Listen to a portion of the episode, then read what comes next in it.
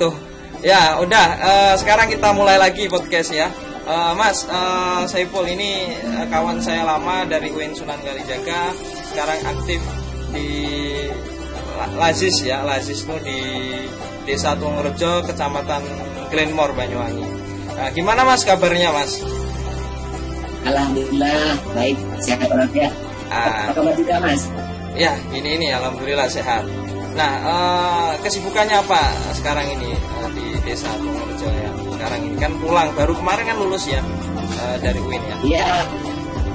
Awal-awal corona. Awal-awal corona. Nah, apa kesibukannya di rumah sekarang?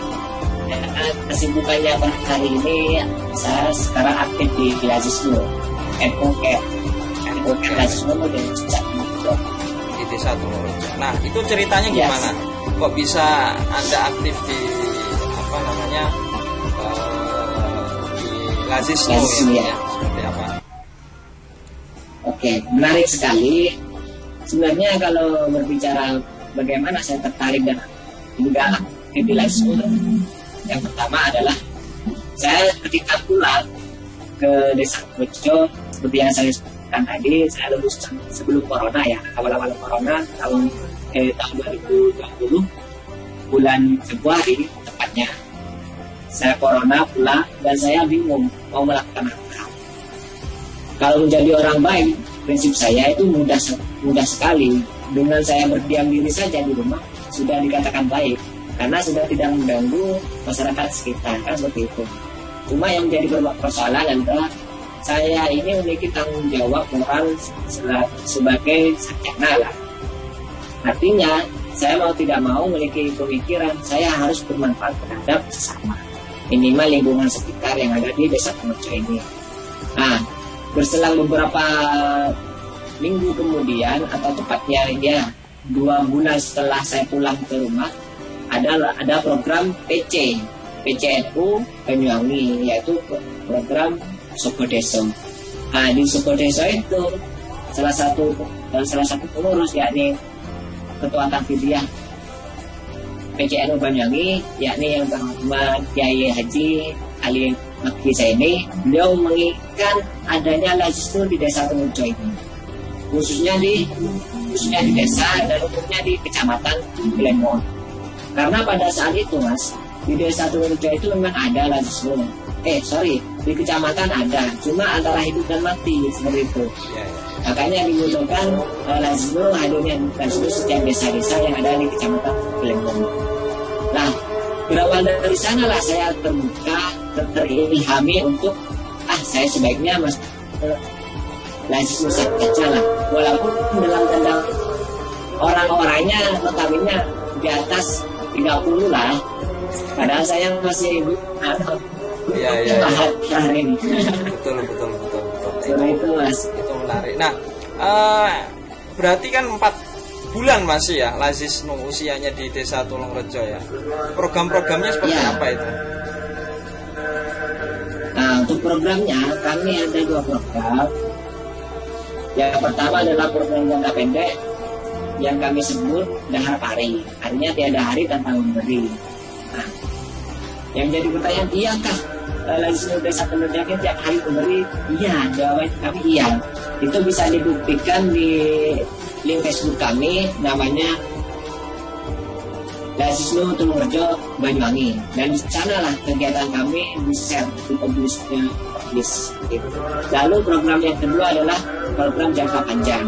Nah program jangka panjang ini ada tiga yang pertama adalah Lazisnu Smart Lazisnu Smart ini kami memberikan donasi atau beasiswa kepada calon santri maupun santri ya tribulan tidak tiap hari lalu yang kedua adalah Lazisnu Trainer.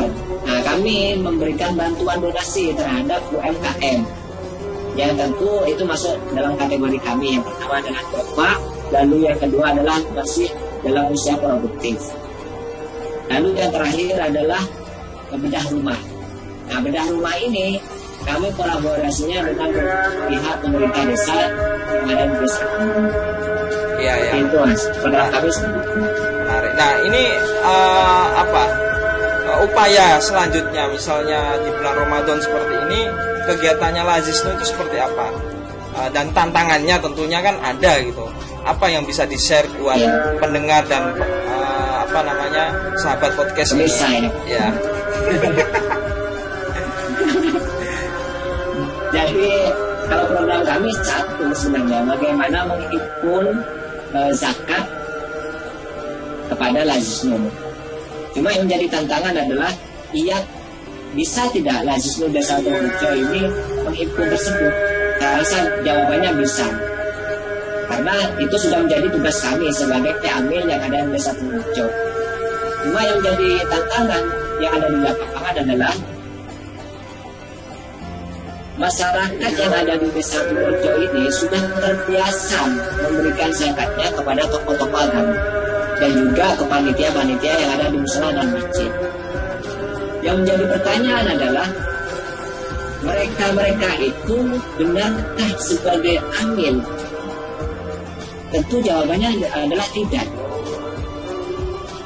Kenapa bisa tidak? Ya mereka tidak mendapatkan SK kecuali mereka mendapatkan SK dari Basnas maupun Laziskum. Sejauh ini mereka tidak. Nah, buat, maka tugas kami adalah memberikan SK kepada mereka. Dan alhamdulillah itu sudah berjalan, sudah ada beberapa tokoh masyarakat atau agama yang mengiyakan untuk mendapatkan SK termasuk musola dan masjid, walaupun tidak semuanya seperti itu. Mas. Oh, untuk Ramadan sendiri nih seperti apa juga kan eh, ini kan momen Idul Fitri mengeluarkan zakat fitrah itu ada kendala nggak? Iya. Tadi ada tantangan dari beberapa tokoh juga itu kan itu juga juga menjadi problem juga gitu. Iya betul. Ya tantangannya ada.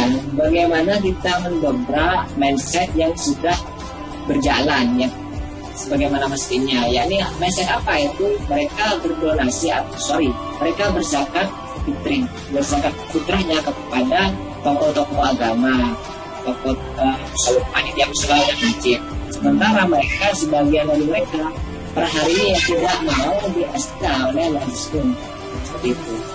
Itu yang menjadi kekhawatiran. Karena apa? Kekhawatiran kami adalah bolehlah mereka mereka masyarakat berzakat kepada tokoh agama. Karena mungkin ya mungkin ini istilah ya perdebatan di antara para ulama ada yang membolehkan dan mungkin ada yang tidak. Nah, mungkin eh, para tokoh ini tergolong dalam dalam salah satu as- aswabatus samia itu. Ada eh, delapan kategori yang mendapatkan delapan kategori yang mendapatkan zakat. Ya. yaitu mungkin masuk ke kategori kategorisasi fisabilillah mungkin karena pengajar lah Eh, apa artinya ya tokoh ma- agama yang mengajar agama yang ada di desa Desa. Ya. itu nah, mungkin itu bisa cuma yang di- yang jadi kendala yang lain adalah bagaimana dengan panitia yang ada di musola dan masjid nah, itu yang menjadi eh, pikiran pikiran kami. Nah, Hmm. makanya mau tidak mau kami memiliki terobosan bagaimana kami mengkampanyekan ayo tetap berdonasi ke Lazismu maupun musola-musola, masjid atau toko-toko yang telah diberikan SK oleh Lazismu itu sendiri. Seperti itu mas. Siap siap. Berarti uh, ma- masih proses lah. Kesimpulannya itu masih proses. Apa namanya Ya, struktur masih strukturnya masih dibangun dari dusun, dari eh, desa sehingga uh, solid gitu. Nah, uh, menarik sekali karena desa Tungurjo itu perlu teman-teman semuanya ketahui salah satu desa dengan terluas ya se Kabupaten Ya Banyuwangi betul. dan Betul. itu ber- mayoritas pekerjanya juga apa di perkebunan ya Ya ada perkebunan ada yang ya ada dua ada dua ya perkebunan di sini meliputi empat dusun selebihnya perkampungan. oke Tujuh dusun yang lain adalah perkampungan. Empat dusun perkebunan. oke dan dan apa mas masyarakatnya ma- mayoritasnya Islam dan juga heterogen juga ya ada Hindu Ya, ada sangat heterogen. sangat heterogen dan dan kiprahnya Katolik juga ada. Oke, Katolik juga ada dan kiprahnya Lazisno ini juga sebetulnya juga untuk apa memperekat itu semuanya gitu dengan santunan dengan dengan memberikan kepada kaum duafa itu kan juga apa membantu juga program pemerintah dalam menurunkan angka kemiskinan gitu ya. Saya pernah membaca Iya. salah satu eh, artikel bahwasanya Pemkap juga ingin kolaborasi dengan Lazis ya, terutama dengan apa komunitas Nahdlatul Ulama di Banyuwangi menjadi komunitas yang pertama gitu ya, yang mayoritas gitu. Nah, tanggapan Mas Saiful itu seperti apa? Ya, sejauh ini ya betul apa yang disampaikan oleh Kang Hato tadi bahwasanya ah, memang ada beberapa artikel bahkan itu memang seruan dari bupati untuk eh, berkolaborasi dengan Lazis termasuk itu sudah kami jalankan di tingkat desa kami sudah berkolaborasi dengan pemerintah desa setempat. Dalam hal apa itu? Tentu kalau menggunakan eh, kalau kita menggunakan tolak ukur program kami yang yang jangka pendek dan jangka panjang tadi maka yang berkolaborasi kami adalah di jangka panjangnya. Jangka eh ya di jangka panjangnya yakni di program bedah rumahnya. Kami berkoordinasi dan berkolaborasi dengan eh, pemerintah desa. Melalui apa itu? Yaitu melalui advokasi. Kami pendampingan terhadap masyarakat data-data duafa yang itu layak dibedah rumahnya. Seperti itu mas.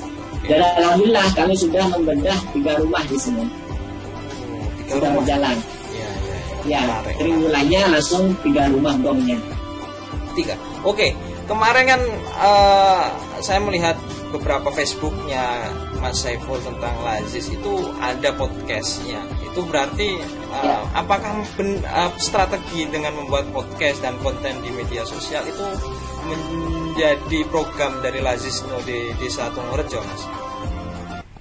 Oke, oke, baik. Menarik. Yang saya menarikkan di sini, kok iya bisa orang Jogja ini bisa tahu lah informasi dari desa kami di Banyuwangi. Saya masih orang Banyuwangi, Mas. Oh siap. saya kira ada penyusup. Enggak, saya masih di Banyuwangi. Masih cinta Banyuwangi. siap. Gimana siap. itu?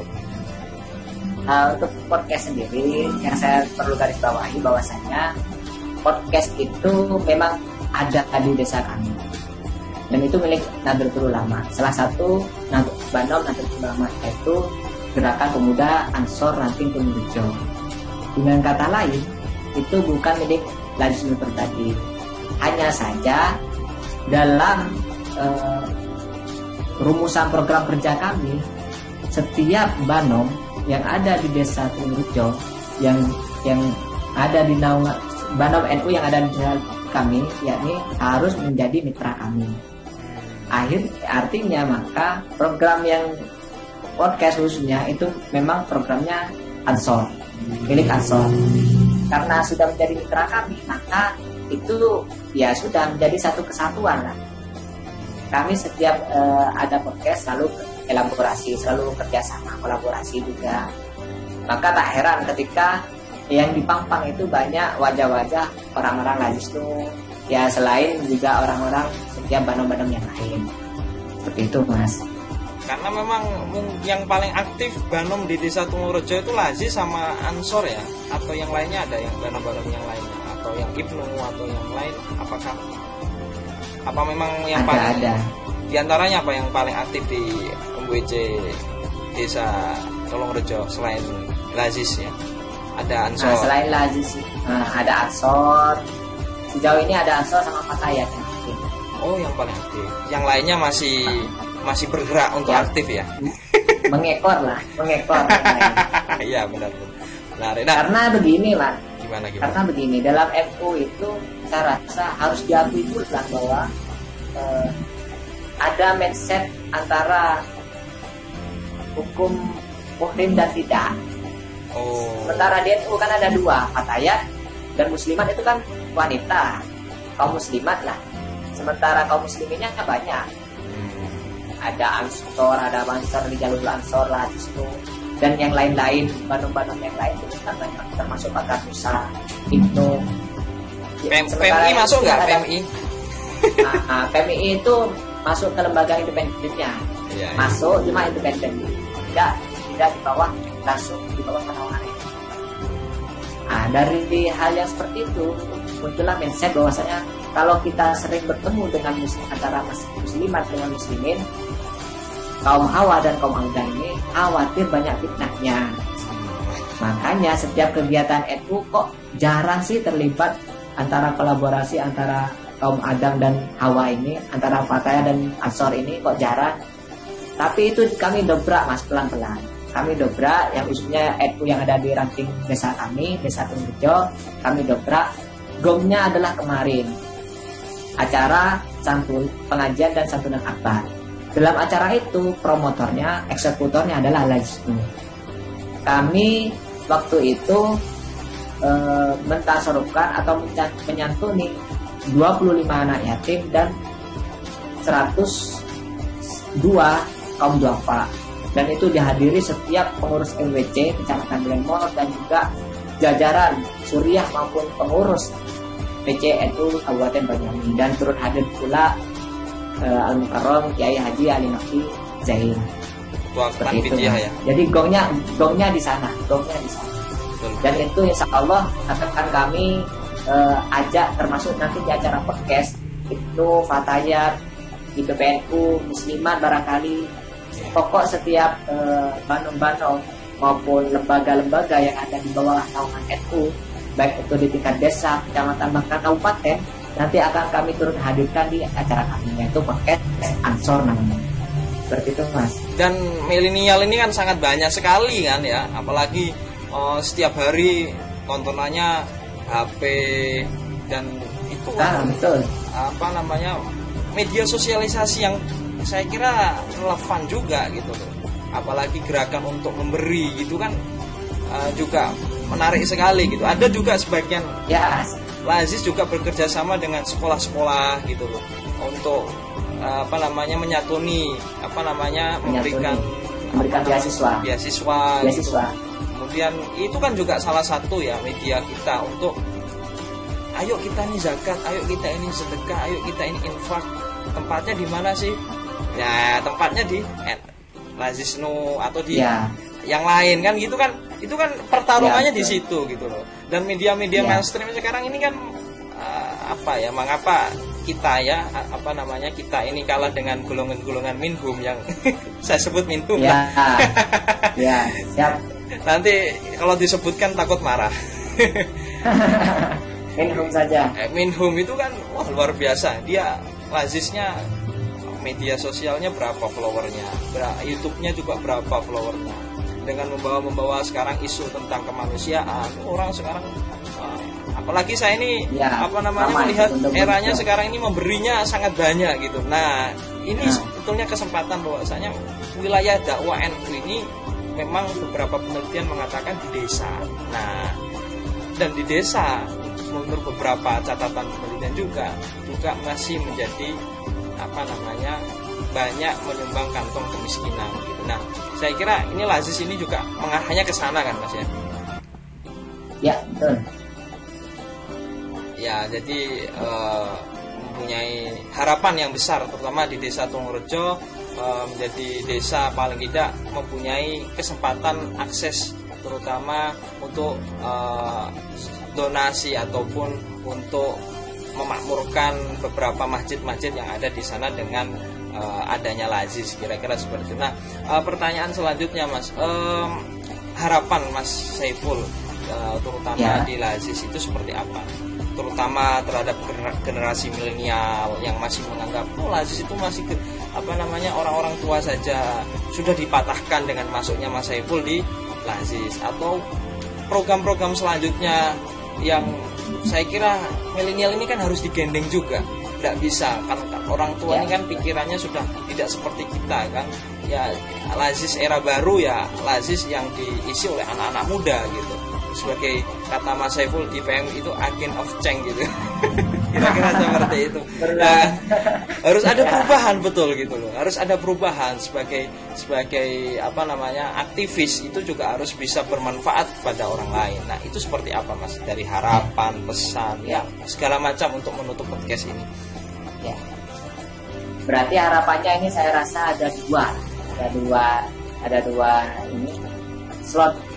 Yang yang slot pertama adalah kaum milenial yang kedua adalah di jamiah dan dalam itu Nah, untuk yang di milenial, kaum milenial ini saya berharap harapan saya adalah saya akan seperti yang saya sampaikan di awal tadi bahwasanya kalau kita mau menjadi orang baik, saya rasa cukup berdiam diri dan kita tidak mengganggu orang yang lain, tidak memberikan efek negatif kepada orang lain, maka tindakan kita berdiam dirinya kita sudah dianggap baik.